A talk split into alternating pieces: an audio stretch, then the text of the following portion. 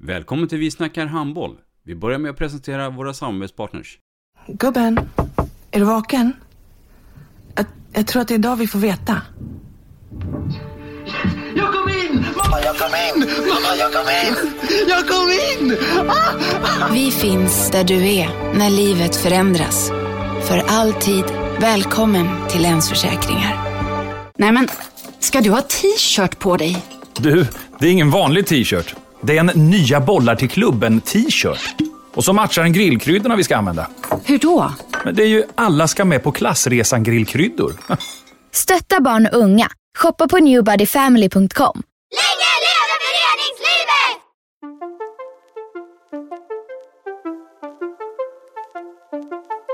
Välkommen säger vi till dig som lyssnar till den nya handbollspodden Vi snackar handboll med Robban Z och Matte.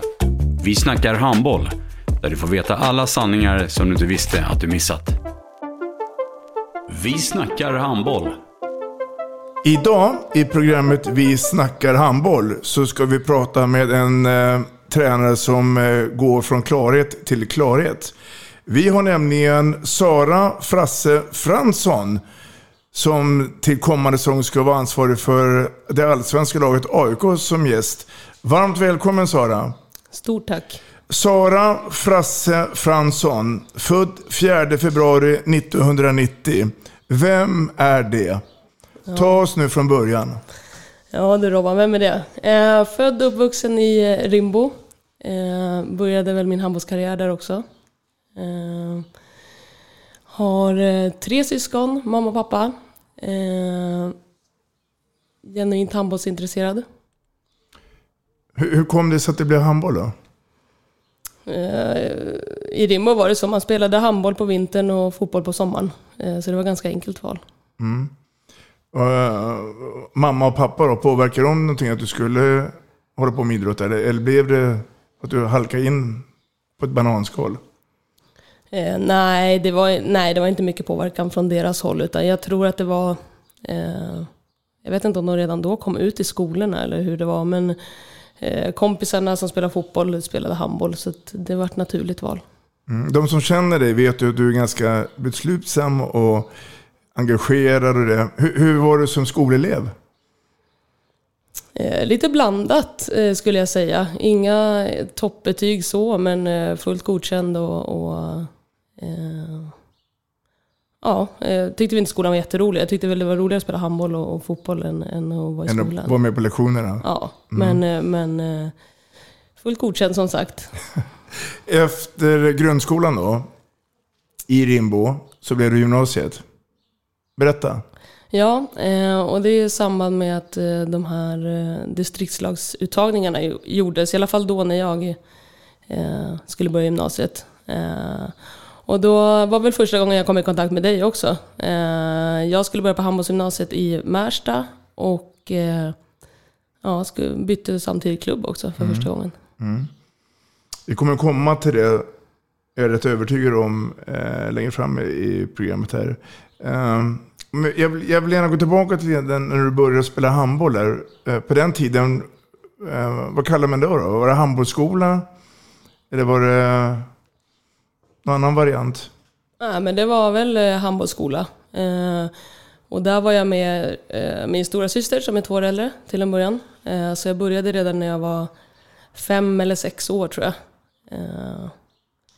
Jo- Gjorde du som alla andra och höll på med andra idrotter? Eller bestämde du det tidigt att det är handboll som gäller? jag spelade faktiskt fotboll ända till, till jag var 15. Eh, har testat på innebandy också. Eh, men eh, handbollen var väl det som var roligast.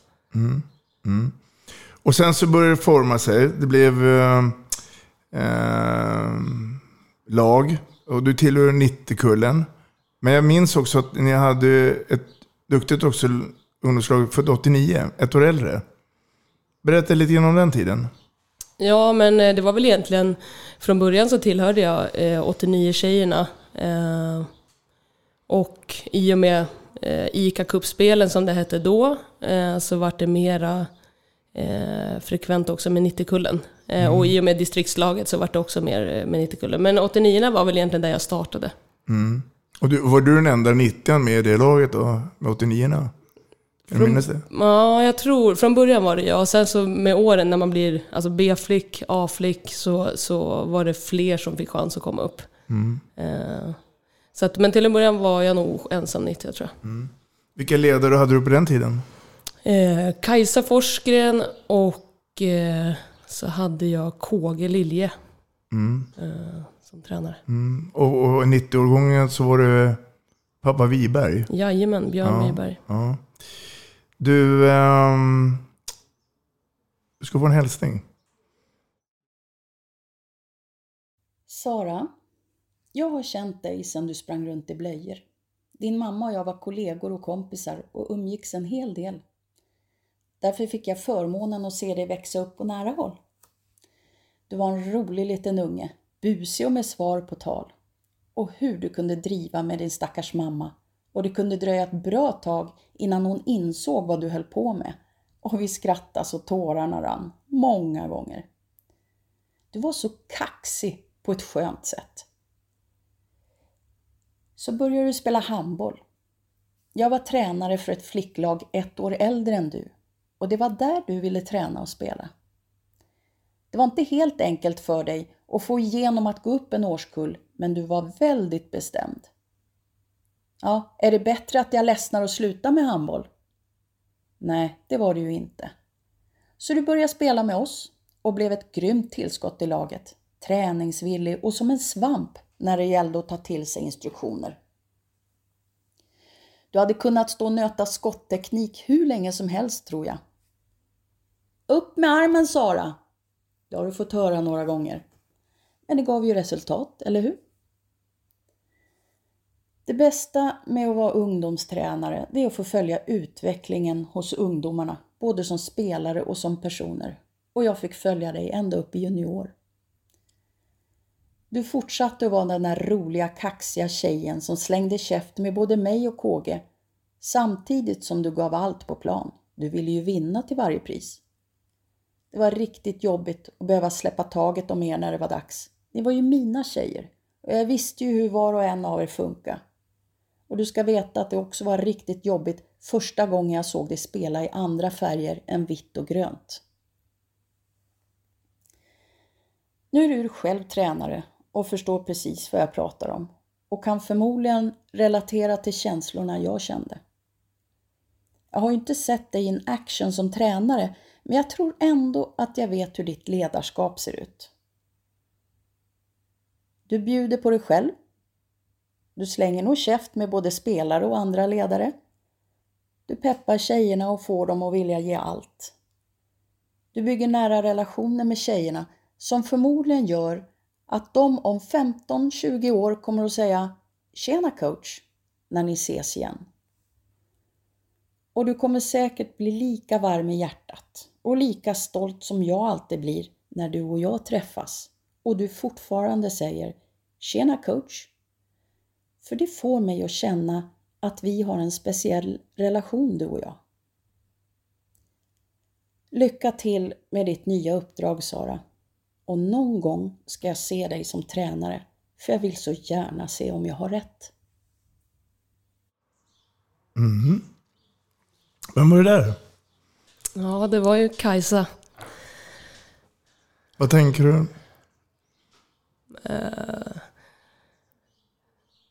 Ja, men först blir man ju eh, jätteglad. Det är jättemånga år sedan som vi, som vi träffades och pratade eh, eh, djupa. Jag vet hon var på en match eh, i Solnahallen när jag spelade AIK. Men eh, prata så nära eller så djupt eh, var inte igår. Nej. Tycker du att hon har slagit spiken i huvudet? Var det rätt beskrivning på dig? Eh, ja, men det skulle jag nog säga. Eh, som sagt, eh, jag lade ner mycket tid på min, på min handboll i tidig ålder och, och ville utvecklas hela tiden. Eh, som hon nämner, jag var jävligt tjurig och, och vinnarskaller tidigt. Eh, men eh, ja, det har jag lärt mig jättemycket av, eller har jag med mig nu framförallt. Och förstår andra och de jag tränar, hur de kan fungera. Mm. Mm. Mm. Vi var inne på det då att du eh, lämnade då grundskolan och det blev ju gymnasium. Då var du tvungen att, att göra ett val i livet. du lämnade då Rimbo för att hamna då på gymnasiet i Märsta. Jajamän. Mm. Ska vi ta oss igenom de åren där då? För det är ju tuffa år då. Ja, eh, jag kom ju till eh, gymnasiet med eh, min första korsbandsskada i bagaget redan. Eh, eh, så det var ju rehab redan då tänkte jag säga. Eh, men jag drog ju mitt första korsband 2005. jag var 15 år. Vi spelade ICA-cupen steg, steg 3 i Skövde. och ja, det var ju rehab. Jag var ju fast beslutsam med att jag skulle komma tillbaka. Eh, så det var ju bara att sätta sig med den där rehaben. Mm. Och, i, och, i samma veva där så pratar vi tiden med Upplandslaget. Jajamän. För att spela Sverigecupen. Ja. Uh, och, och, kände du där då att, att, att nu kraschar hela mitt liv. Det, det kanske inte blir någon Sverigecupen. Och... Eh, ja, eh, distriktslaget är ju kanske, när man kommer från eh, en så pass liten plats som Rimbo, är ju, det var viktigt redan då. Mm. Och det var en lång resa vi var igång med, så att ja, absolut. Det, det var jättetungt besked. Mm. Mm. Och, och, minnen från den tiden då? Med distriktslaget eller? Ja. Mm. Ja men en lång resa till skillnad från i, idag så hade vi ju två års eh, egentligen uppladdning. Mm. Eh, vi blev nästan som ett lag. Eh, och eh, nej men jag har bara goda minnen. Jag fick vara med eh, trots att jag var skadad. Eh, jag fick sköta min rea på sidan av och ta, sakta men säkert ta mig tillbaka. och ändå få vara med på den resan. Och till slut stå på Sverigecupen i, i klassiska Duveholmshallen. Mm. I Katrineholm? Jajamän. Mm. Och du hade några lagkamrater från Rimbo på den tiden också? Mm. Kan du nämna några? Eh, ja men vi var ett helt gäng. Vi var, det var jag, det var Karin Wiberg, eh, Ronja Harnebäck, eh, Tove Westman. Eh, vet inte om Mikaela mm. Westerlund var med. Mm. Eh, Umgås du någonting med dem idag? Nej, ingenting. Ingenting? Nej. nej. Det är dags för en hälsning igen. Du ska få höra här. Hallå, hallå! Robban ringde mig för bara några dagar sedan och frågade om jag ville skicka en hälsning till dig. Eh, så nu har min hjärna gått på högvarv här i några dagar. Eh, men jag kom i alla fall fram till att mitt första minne av dig, det var klasshandbollen i skolan. Och då kände inte vi varandra alls, utan du gick under namnet Tjejen med hårbandet. Eh, för du hade alltid hårband när du körde. Och på klasshandbollen så fick tjejer två poäng per mål och killarna de fick bara ett. Jag tror nog att tanken var att tjejer skulle våga ta för sig och göra mål. Men det var inte riktigt ett problem som du hade. Eftersom att eh, du körde på och var ju bäst av alla, både killar och tjejer. Och alla visste ju också att hon med hårbandet var så sjukt bra så redan innan turneringen startade så visste vi ju att ja, Bålbro de kommer väl vinna. De har ju den där tjejen. Och när dina klasskompisar inte fattade vad de skulle göra, ja då fick du köra solo hela matcherna du. Du bara gasa på. Vinnarskallen nummer ett. Och det var ju även faktiskt i klasshandbollen som mitt intresse för handbollen startade. Eh, så jag körde med flickor 90 och du har alltid kört med flickor 89 som är ett år äldre. Så vi lärde inte känna varandra ordentligt förrän jag fick vara med flickor 89 och spela matcher och du började vara med oss i Flickor 90 och spela SM som då hette ICA-cupen. Och vi har jättemycket handbollsminnen ihop. Det är både bra och dåliga. Eh, men även många minnen utanför handbollen. Det är kupper och Upplandslaget. Vi har ju övernattat i otroligt många gamla gympahallar och andra lokaler. Vi har varit på handbollsläger tillsammans. Eh, tyvärr har vi ju båda dragit på oss korsbandsskador. Eh, men vi har ju faktiskt varit både i Thailand, hela familjerna och firat nyår ihop bland annat. Eh, och du är ju och var då också en skitrolig och härlig tjej som man alltid skrattar med. Du är eh, lättsam och har ju extremt lätt att få människor att tycka om dig och lyssna på dig. Och det är ju en hur bra egenskap som helst som du såklart måste hålla hårt i. Eh, och sen är det ju också att du har ett sjukt intresse för handbollen och jag tror att det är därför som du har lyckats så himla bra både som spelare, ledare och tränare nu också ju. Och jag vet att du kan fortsätta hur långt som helst med både ditt driv och engagemanget du alltid har i det du gör. Eh, så jag ser verkligen fram emot att följa din framfart här i handbollsvärlden och handbolls-Sverige för jag tror faktiskt att snart vet alla vem Sara Frasse Fransson är. Verkligen, så att eh, lycka till med allting nu och kör hårt. Det ska bli skitkul att följa dig. Ja du Sara. Ja, var det där då? Ja, men det var väl eh, Ronja Hanebäck. Ja. Mm. Tjejen med pannbandet. Ja, det stämmer. Hur kom det sig?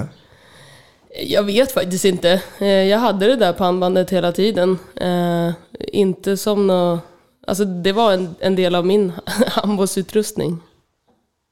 Den var alltid med? Ja. Hade du även på träning också? Ja, alltid. Ja. Mm, mm. Uh, Upplandslaget blev en ganska rolig resa för er. Har du minne av den tiden?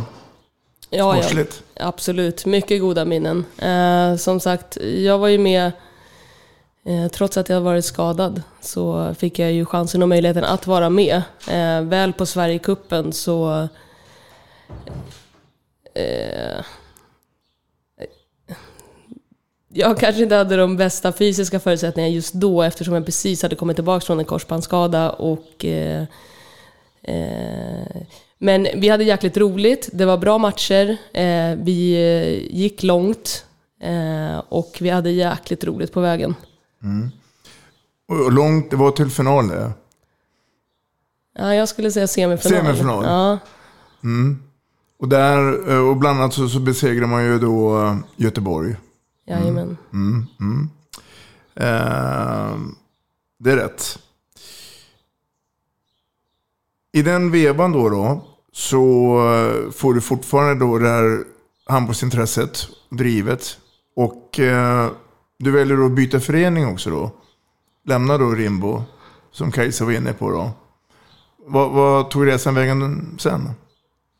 Eh, Efter Sverigecupen och i och med eh, gymnasiet i Märsta så eh, ja, gick jag vidare och hamnade i Rosersbergs IK. Mm.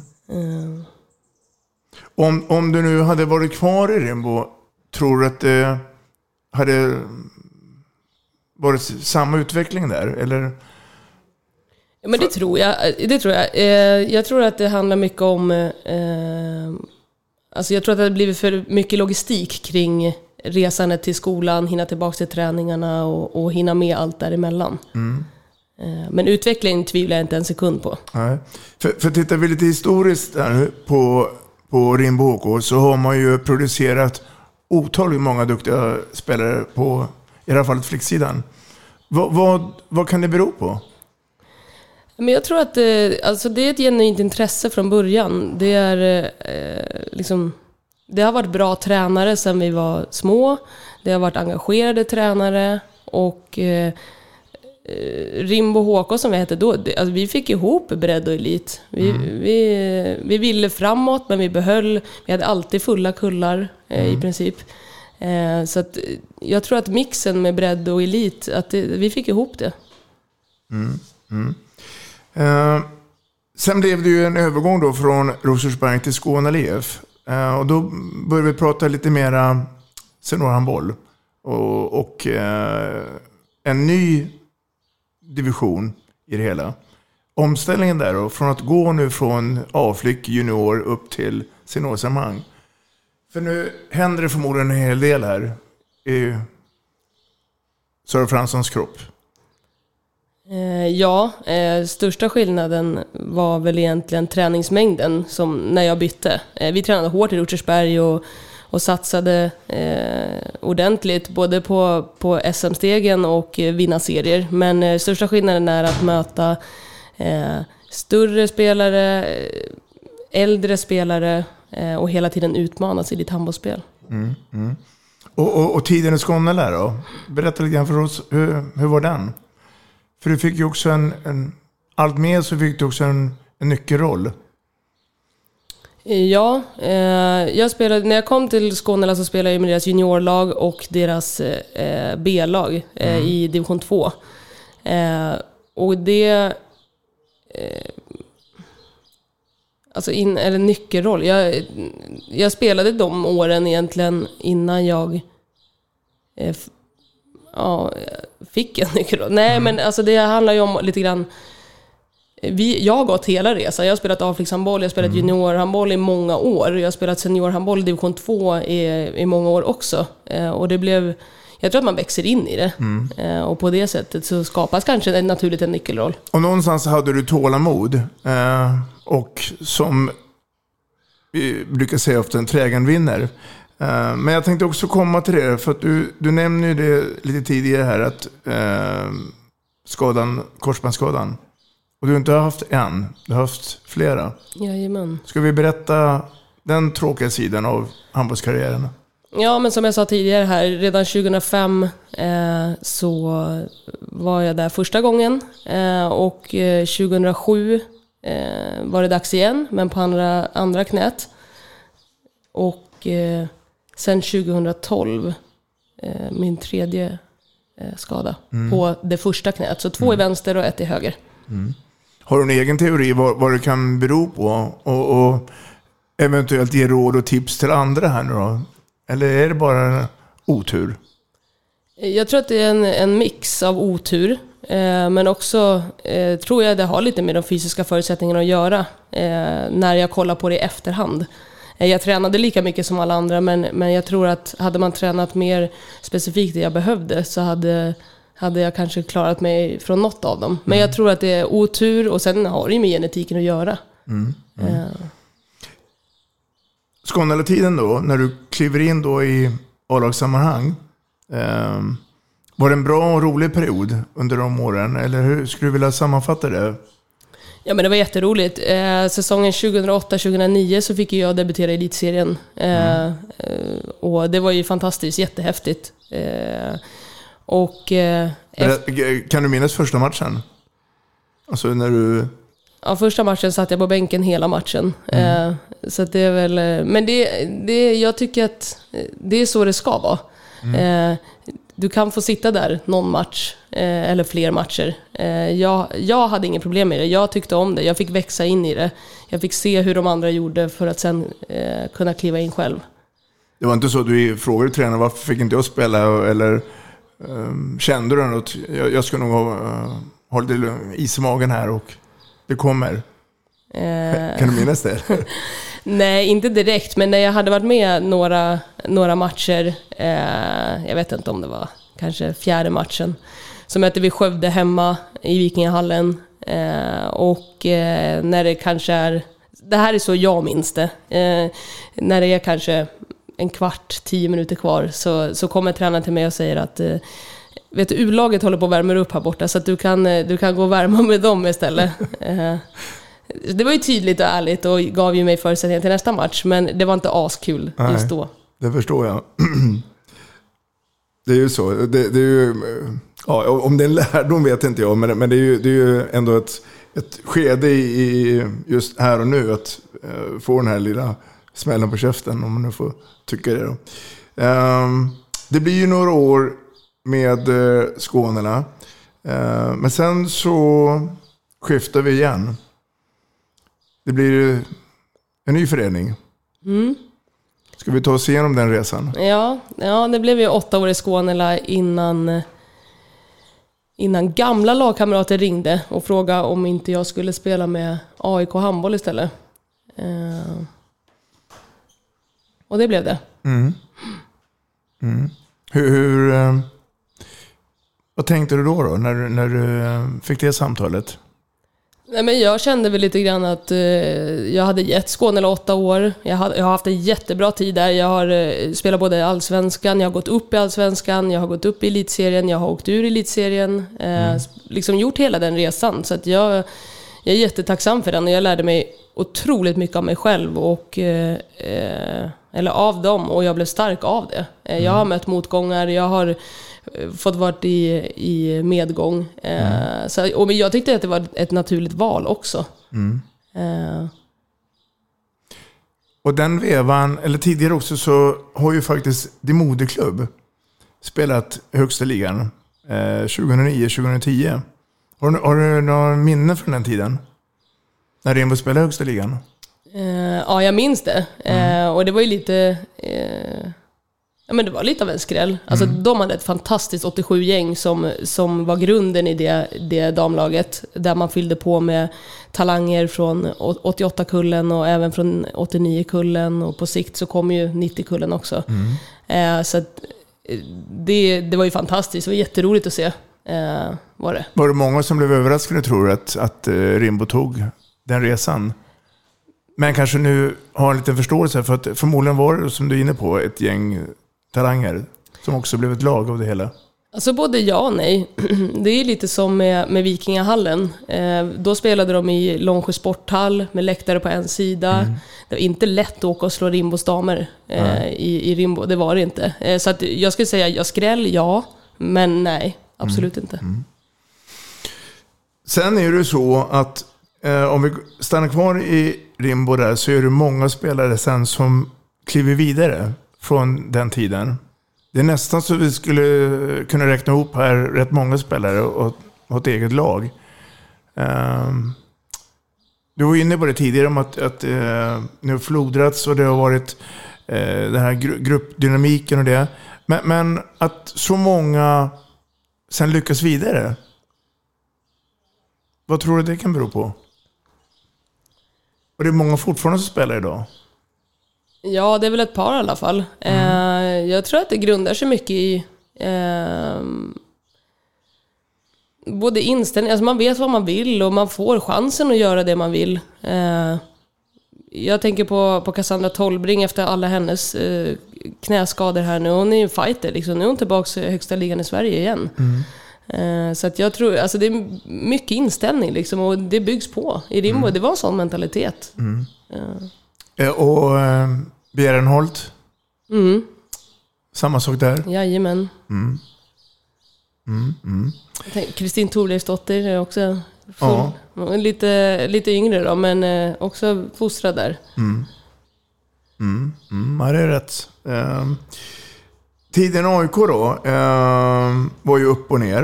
Ehm, är det i det här läget som du också börjar få en annan syn på handbollen? Jag tänker på ledarskapet. Eller när växte den här rollen in? Att du skulle vilja bli tränare? Vems, vems, eller vem fick dig att bli tränare? Jag vet inte riktigt. Eh, AIK gav mig lite... Eh, när jag bytte dit så gav det mig lite andrum. Jag hade tränat fyra, fem, sex pass i veckan eh, kollektivt med laget eh, hela tiden. Där klev jag ner, klev ner i träningsdosen. Jag tyckte att det var roligt att träna igen. Eh, jag kände att det gav effekt. Och vi var ett kompisgäng som, som tyckte att det var roligt med handboll. Eh, så där fick jag lite distans till det, men jag fick också eh, kanske spela min bästa handboll på många år. Jag har ingen specifik ledare som jag tycker har skapat det intresset hos mig. Det har vuxit fram. Jag har ju varit ledare länge, men varit med på små insatser. Jag vet, jag var med i Flickor 06 Skåne ett tag, eh, som ganska ung ledare, men bara med att se och lära liksom. Eh, så att eh, det var absolut inte ett naturligt val för mig att bli tränare när jag blev tränare och ledare. Eh, det, Men hur, hur, hur, hur, hur kom det till ett beslut att jag- jag vill nog ge handbollen en ärlig chans och mig själv en chans att bli ledare?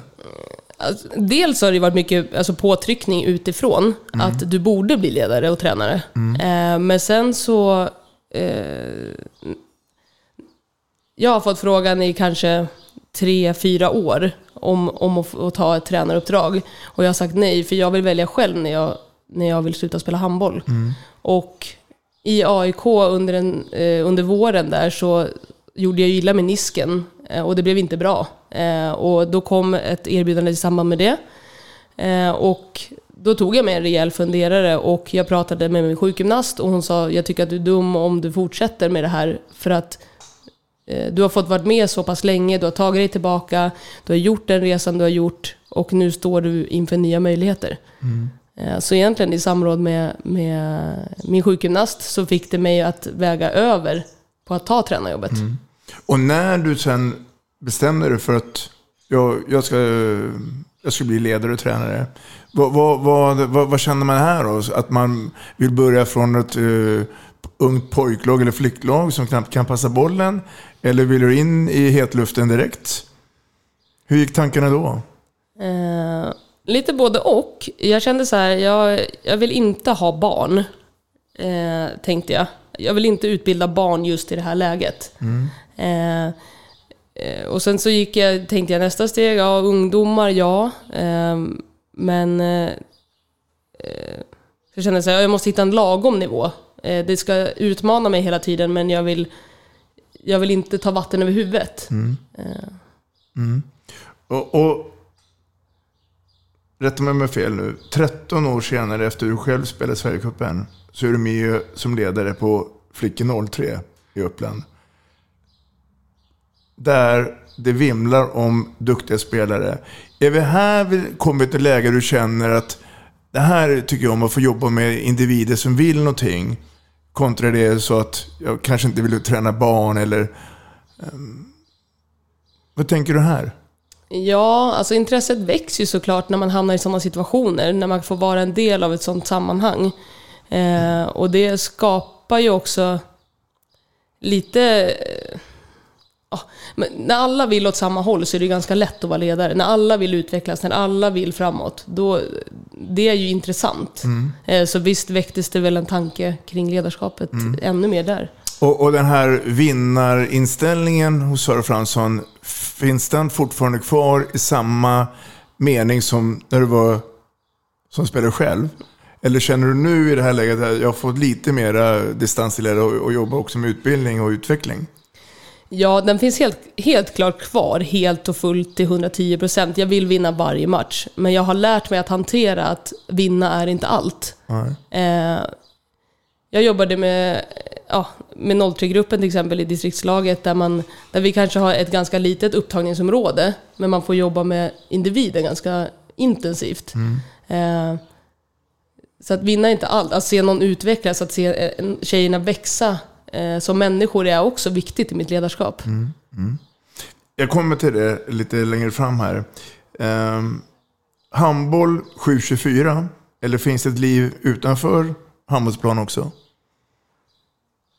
Ja, det finns det absolut. Eh, Jag lägger väldigt mycket tid på handbollen och har gjort det i och med resandet fram och tillbaka och lite sådär. Eh, Jag tycker handboll är jätteroligt så att jag, jag, jag har det gärna i mitt liv 724 men på ett kontrollerat sätt. Mm. Men är det viktigt också att ha vänner som kanske inte bara håller på med handboll eller, eller att man kan också göra saker tillsammans men inte med handbollsanknytning? Absolut, det tycker jag. Det ger en lite distans och man kan få en annan, annan syn på det hela med en annan infallsvinkel från dem. Mm. Um, Sara, du ska få en uh, hälsning här uh, igen från en person som jag tror att uh, du uppskattar väldigt mycket.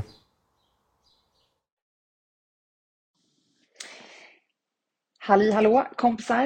Eh, kul att få vara med i eh, podden måste jag säga. Och eh, eh, som sagt, jag vet inte riktigt. Eh, Robban ringde mig för ett par veckor sedan här och eh, frågade om inte jag kunde skicka med en liten eh, hälsning eh, till ditt eh, poddavsnitt Sara. Och eh, jag tänkte såklart, oj så skoj, det är klart vi ska göra det.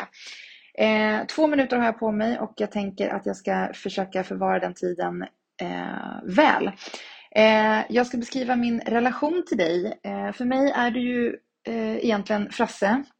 Eh, kommer från handbollen. Vi har eh, känt varandra i över 15 år. Vi har varit eh, så gott som eh, bästa kompisar alla dessa 15 år känns det som. Jag vet inte riktigt vad jag gjorde innan, innan du kom in i mitt liv. Eh, de här 15 åren har eh, innehållit eh, väldigt mycket. Eh, känns det som nu när jag börjar fundera och reflektera och, och sådär. Ehm, det känner sådär spontant, eh, det är ju att det har varit otroligt roligt. Eh, vi har gjort väldigt mycket galet eh, faktiskt.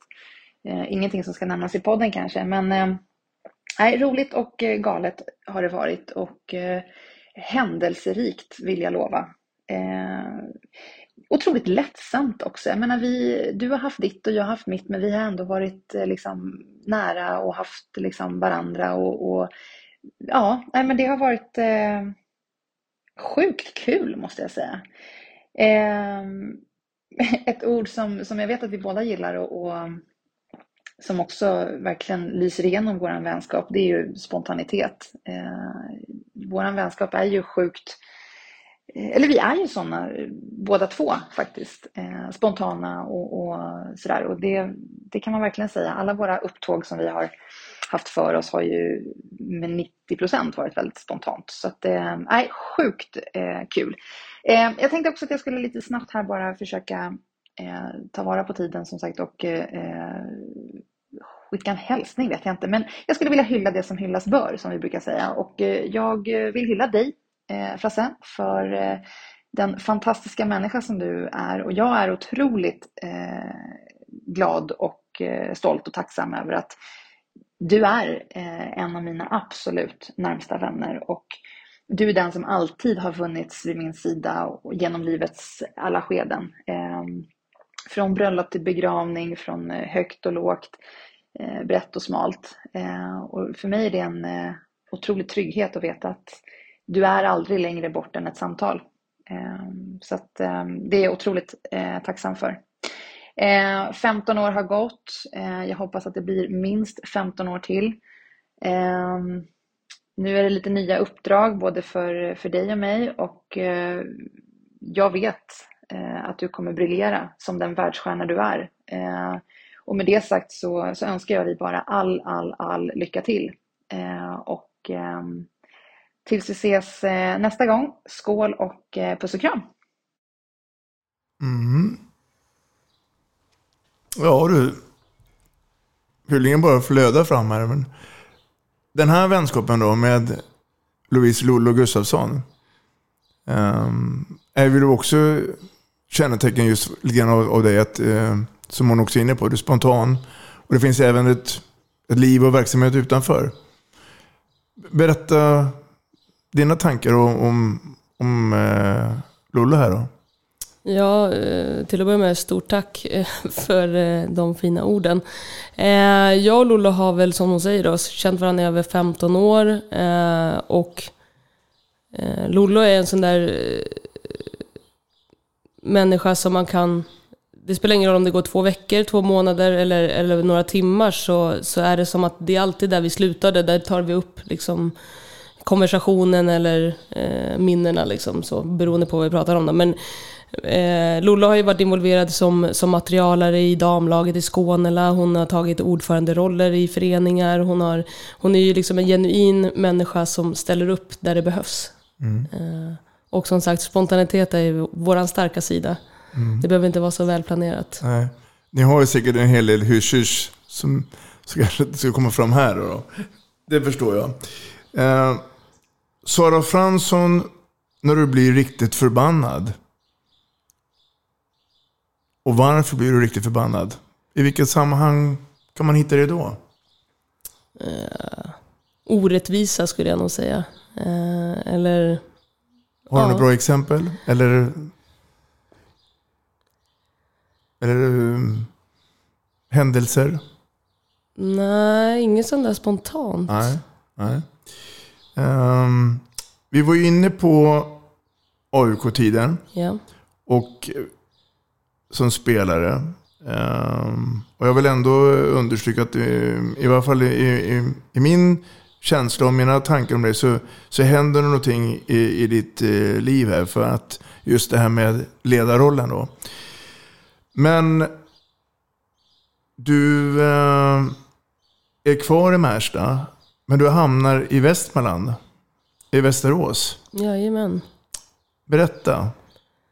Ja, men det var som jag pratade om tidigare här. Jag fick väl frågan tre eller fyra gånger, år på rad eh, att jag borde bli tränare och, och ha ett lag. Eh, och återigen, våren 2019 eh, så kommer det här samtalet. Eh, du borde bli tränare. jag tror att det skulle vara jättebra, du skulle passa för rollen och hela den biten. Eh, så att ja, det, det var väl det som... Vem ringde? Eh, Frenne Båverud. Ja. Och ville han att du skulle vara assisterande då? Eller ville du att han skulle ta ett eget ansvar direkt? Eller se och lära?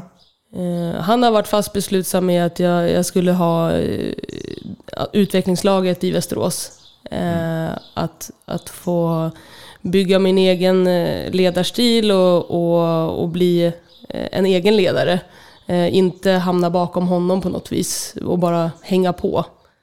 Eh, sen har jag i och för sig haft förmånen att, att eh, få vara med väldigt mycket Mm. och fått sett eh, hur man förbereder, när man förbereder och hur mycket tid och, och alltihopa det, det tar med ett elitserielag.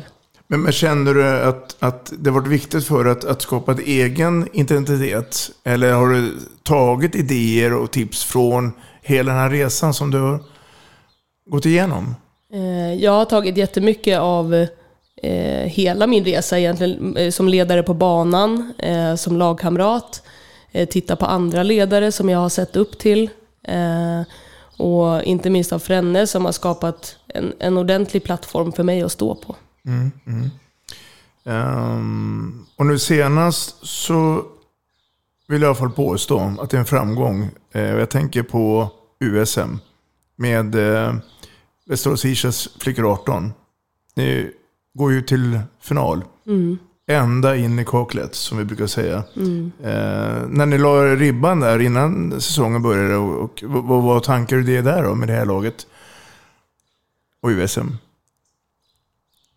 Eh, Alltså efter ett år i Västerås så kände jag så här, jag är inte gjord för det här och jag ska inte jobba med tonårstjejer kände jag. Eh, och sen har vi ett coronaår emellan eh, där jag får jobba med, med damer. Och sen till det tredje året där jag får träffa ett gäng tjejer som återigen, i början får jag känslan så här, det här är tonåringar och det här är inte bra. Och jag passar inte att vara ledare för tonåringar. Eh, och vi går in i den här säsongen och säger att eh, steg fem vore häftigt, steg fyra är ett... Eh, går vi till steg fyra så är det bra. Och det är ett okej resultat. Men steg fem vore häftigt har vi alltid sagt. Eh, Mm. Så det var inför säsongen. Och sen blev det steg fem. Ja, eh, under, under året, under tiden så, så eh, jag fick corona under steg tre, eh, så min kollega Anders fick dra det där själv. Eh, sen så eh, i steg fyra hamnade vi i Nacka och där vi började känna att oj, nu möter vi riktigt bra lag. Eh, På pappret. på pappret, givetvis. Eh, och där vi kände att våran grupp, ja vi kan slå de här lagen.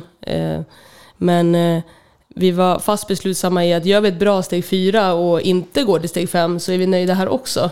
Eh, men återigen, steg fem vore häftigt. Eh, och Med rätt marginaler och lite tur och skicklighet eh, så fixade ni den. ja, det gjorde vi. Vi slår ju Skure i steg fyra. Och det skapas någon form av hopp. Eh, och det blir en hel känslostorm och man börjar förstå att de här tjejerna är fan bra alltså. Men någon har skapat dem och någon har format dem. Vill du ta åt dig mycket av äran? Eller är det här klassiska att vi är ett lag, vi gör det tillsammans? Här är jag lite nyfiken hur du tänker. För att i samma veva så har du också framgång med Upplandsflickor 06. Eh, Och då pratar vi Sverigecupen. Mm. Eh, Det ligger mycket paralleller där. Eh, Lite nyfiken att höra hur du tänker här. Om vi börjar med Västerås så, så kommer jag inte... Eller... De har, de har haft bra skolning från början och de har haft bra ledare. Eh, Jag fick ett gäng motiverade handbollsspelare trots corona. Och tonåringar. Ja, ja visst precis.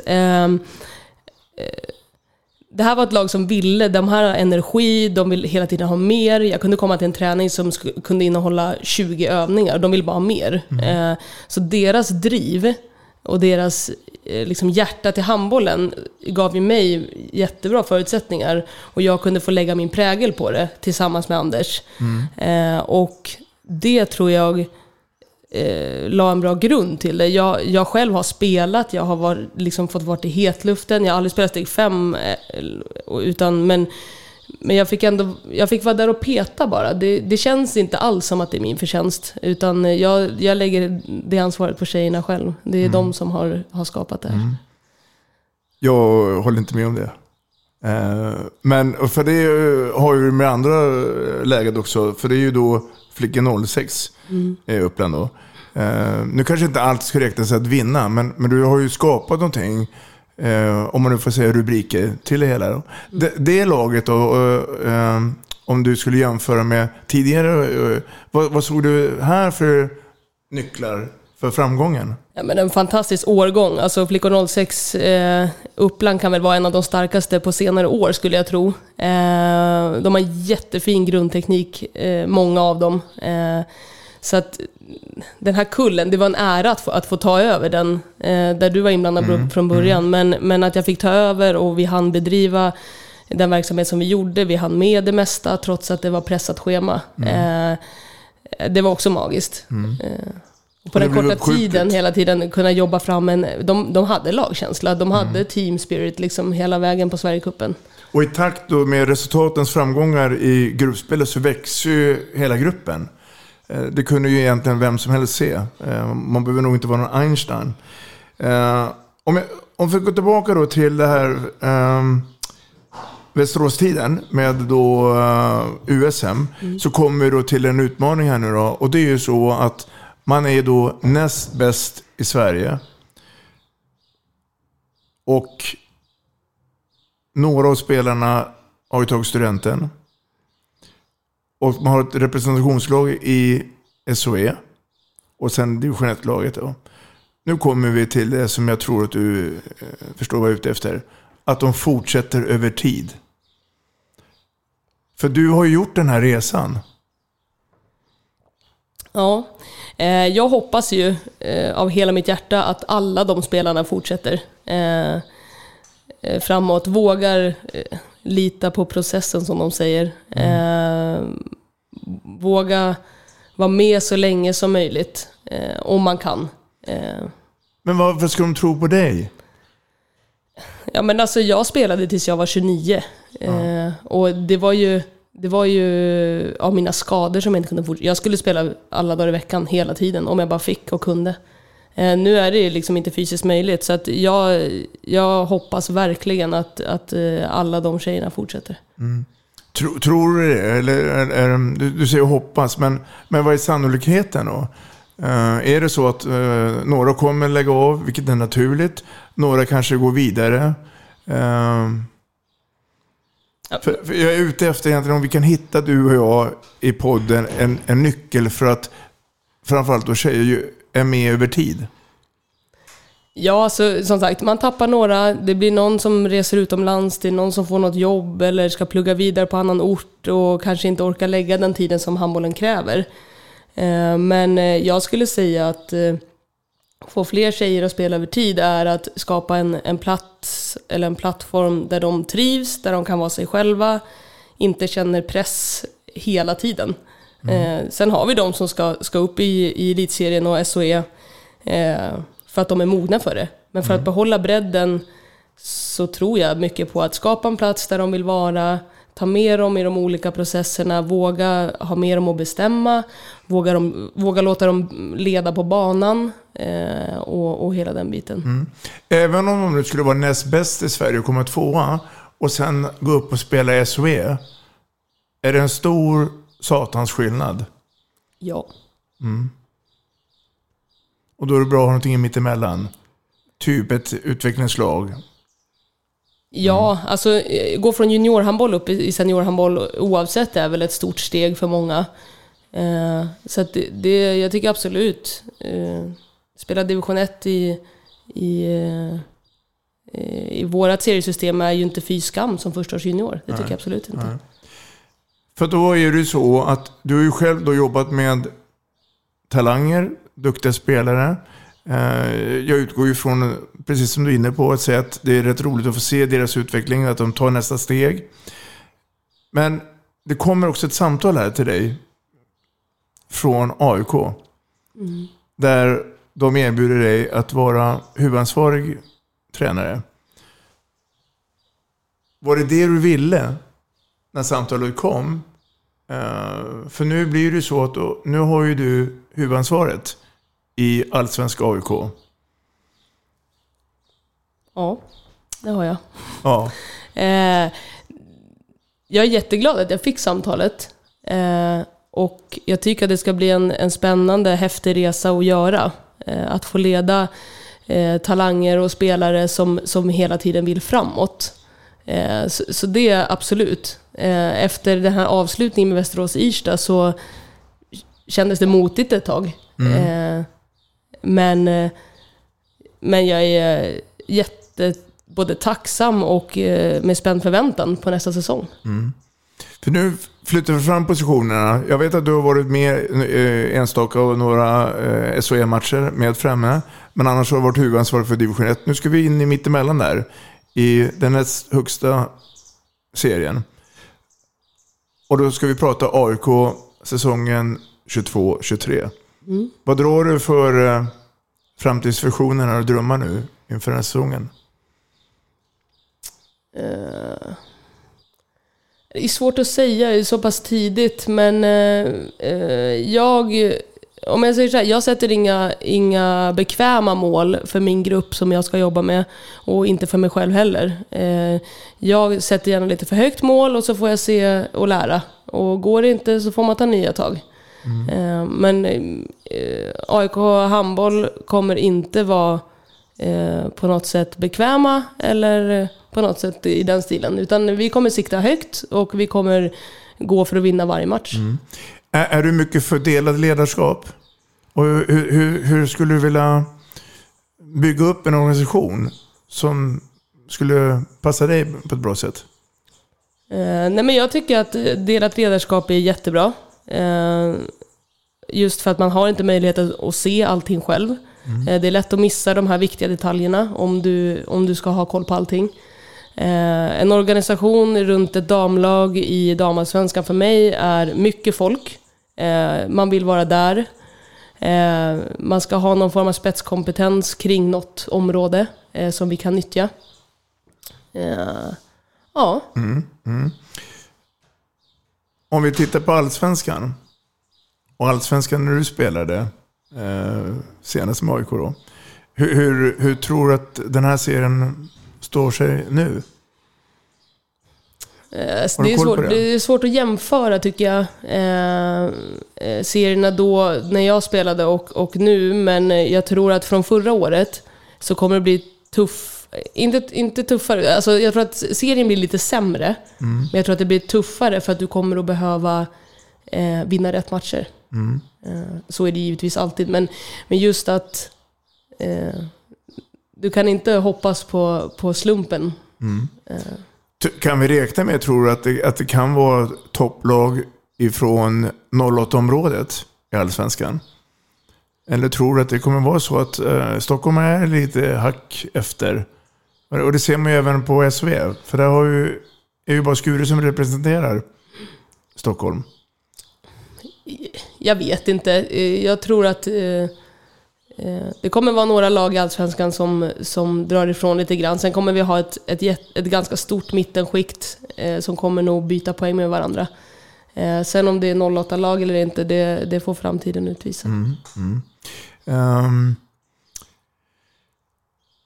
när du spelade med 90-laget i Uppland så spelade Uppland rätt mycket 3-2-1 offensivt. Um, det är ju några år sedan. Nu ska du stå där och ta befälet. Vilken typ av handboll vill Sara Fransson se nu? Vad Eh. förespråkar dig? Ja, men jag tycker... eh, Jag var ju anfallsspelare hela mitt liv tänkte jag säga. Eh, Så jag tyckte ju försvarsspel var jättetråkigt. eh, Fram till, till att jag fick börja instruera eh, försvarsspel. Aggressivt försvarsspel med, både med inbryt och, och ligga lite högre upp. Eh, Och nu har jag ju förstått innebörden att, att spela försvarsspel. Eh, Mm. Så att... eh, eh, Tufft, aggressivt. eh, Ja. Mm. Och, och de här termerna och snacket med eh, tvåvägsspelare, eh, sju mot sex, eh, fem mot sex, eh, nya avkastregeln och det. Hur, hur, hur tror du det kommer sluta? Ja, hur kommer det sluta? Kan det vara så enkelt att allting kommer anpassa sig? Eh, Ja, men det kommer det nog göra. Eh, men eh, jag hävdar ju att eh, ska du spela till exempel 7 mot 6 så ska det ju... Alltså vi, vi kommer inte att göra det för sakens skull. Det ska gynna oss hela tiden. Mm. Till exempel. mm. Och, och, och den truppen då som du eh, formar till här nu med, med eh, AIK. Är det en, en, en eh, förhoppningsvis en, en trupp som, som är mogna för att ta det här steget nu i Allsvenskan? Eller ser du fortfarande att det är en grupp som är eh, ständig utveckling? Givetvis ständig utveckling och, och skulle vi tackla på den så får vi se till att eh, se till att vi kommer på rätt spår igen. Eh, jag har fått till en bra mix hittills med, med eh, just åldersmässigt tycker jag. Eh, erfarenhet och eh, ung, ung styrka liksom som vill framåt hela tiden. Mm. Eh, så att vi satsar på, givetvis på utveckling men också att, att skapa någon form av eh, ja, men bra balans. Jag Mm. tror att det är viktigt i ett damlag. Mm, mm. Och, och av alla nu då, spelare som av olika anledningar lämnar Stockholmsområdet. Eh, för vi har ju pratat om det mycket i podden här. Då. Så vad, vad ser du möjlighet att kunna bromsa den, den trafiken? Ser du någon lösning på det hela? Eller är det en massa enskilda fall bara? Eh, jag tycker så här att eh, våga vara i i en miljö där du ständigt utvecklas. Eh, våga, våga vara det över tid. Ha inte för bråttom.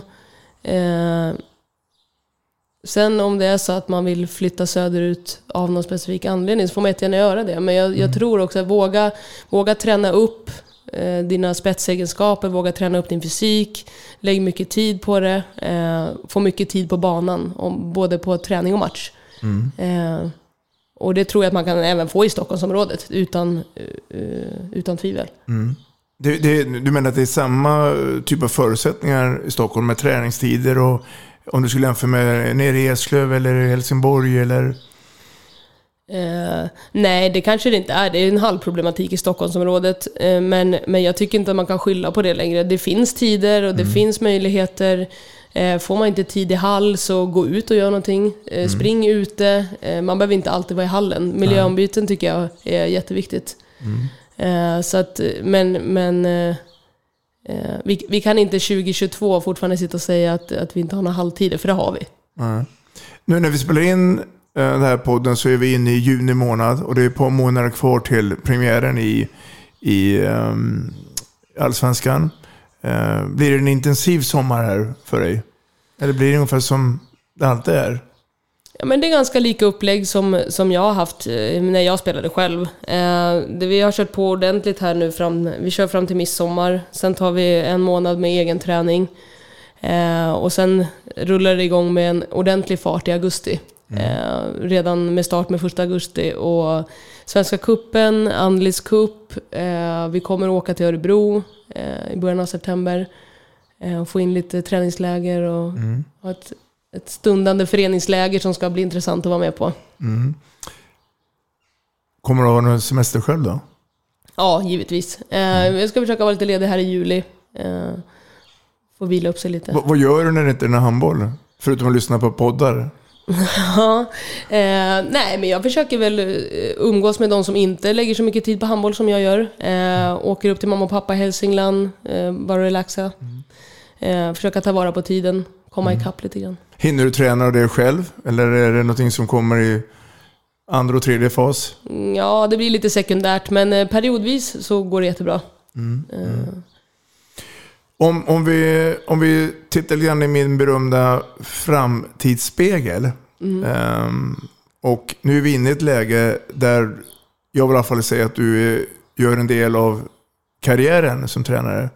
Ehm, om vi nu skulle sitta här om en tio år. Vad, vad, vad, vad har vi Sara Fransson då tror du? Tio år Robban, då är jag 42.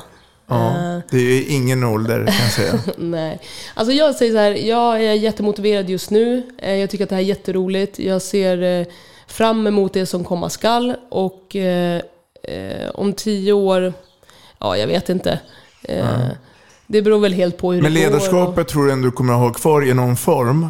Eller kan det vara att du helt lämnar? Nej, men det tror jag inte. Alltså, ledarskapet kommer alltid, det ligger mig varmt om hjärtat. Alltså, det är ju på jobbet, det är ju Mm. överallt. Så att, Mm. så att eh, jag, eh, ledarskapet kommer alltid vara kvar Mm. i någon form. Mm. Det tror jag. Är, är du så pass vaken att du skulle kunna tänka dig att jobba även med kommande ungdomslandslag? Att vara förbundstränare eller förbundskapten? Ja, men jag är ju med nu som eh, ins- instruktör på rikslägret för flickor 06-kullen. Jag tycker att det är jättehäftig miljö, det är jätteroligt. Där framförallt se alla talanger samlas på samma ställe, det är ju skithäftigt. Eh, sen får man se vart, vart det bär. Eh, jag har ju liksom, som jag sa tidigare, högt uppsatta mål, men det behöver inte betyda att det, det, det blir en, en förbundsroll på något sätt. Men inom Svenska Handbollsförbundet är det jätteroligt att jobba Mm. med de ramarna som de har. Mm. Sara, det är ehm, dags för en eh, till hälsning här. Så apropå ditt ledarskap, lyssna här. Tjena Frasse! Här kommer en liten hälsning från mig, Helle. Vår resa startade i Upplandslaget, Flickor 90, jag som lagmamma och du som spelare. En härlig tid med mycket handboll och skoj.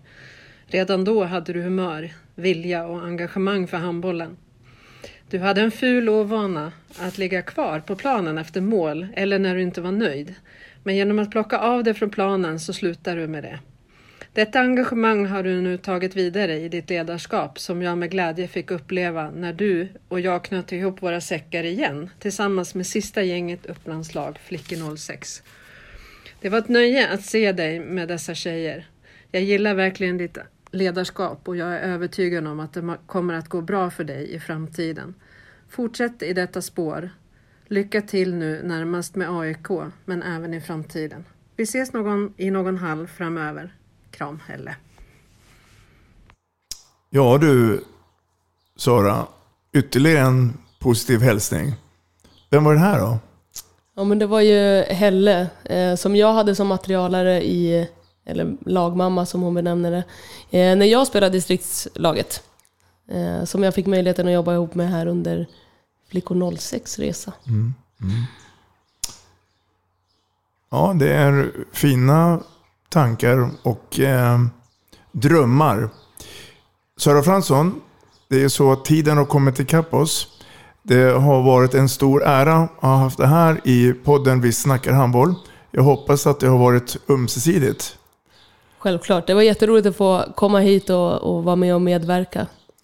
Och jag, precis som alla andra, säger lycka till nu med eh, de nya utmaningar du har framför dig och eh, ta hand om dig. Tack så mycket, detsamma. Vi snackar handboll, där du får veta alla sanningar som du inte visste att du missat. Vi snackar handboll. Vi snackar handboll produceras av produktionsbolaget High On Experience, från vision till passion. Ett avslutande tack till våra samarbetspartners. Hallå! Kommer ni eller? Ja, ja. Har du sett mina ankelsockar? De här? Nej, nej, jag menar skridskoslip till juniorlaget Ankelsockarna. Ja, men kolla bredvid träningsläger med handbollstjejerna-t-shirtarna. Stötta barn och unga. Shoppa på newbodyfamily.com. Gubben, är du vaken? Jag, jag tror att det är idag vi får veta. Jag kom in! Mamma, jag kom in! Mamma, jag kom in! Jag kom in! Ah! Vi finns där du är när livet förändras. För alltid välkommen till Länsförsäkringar.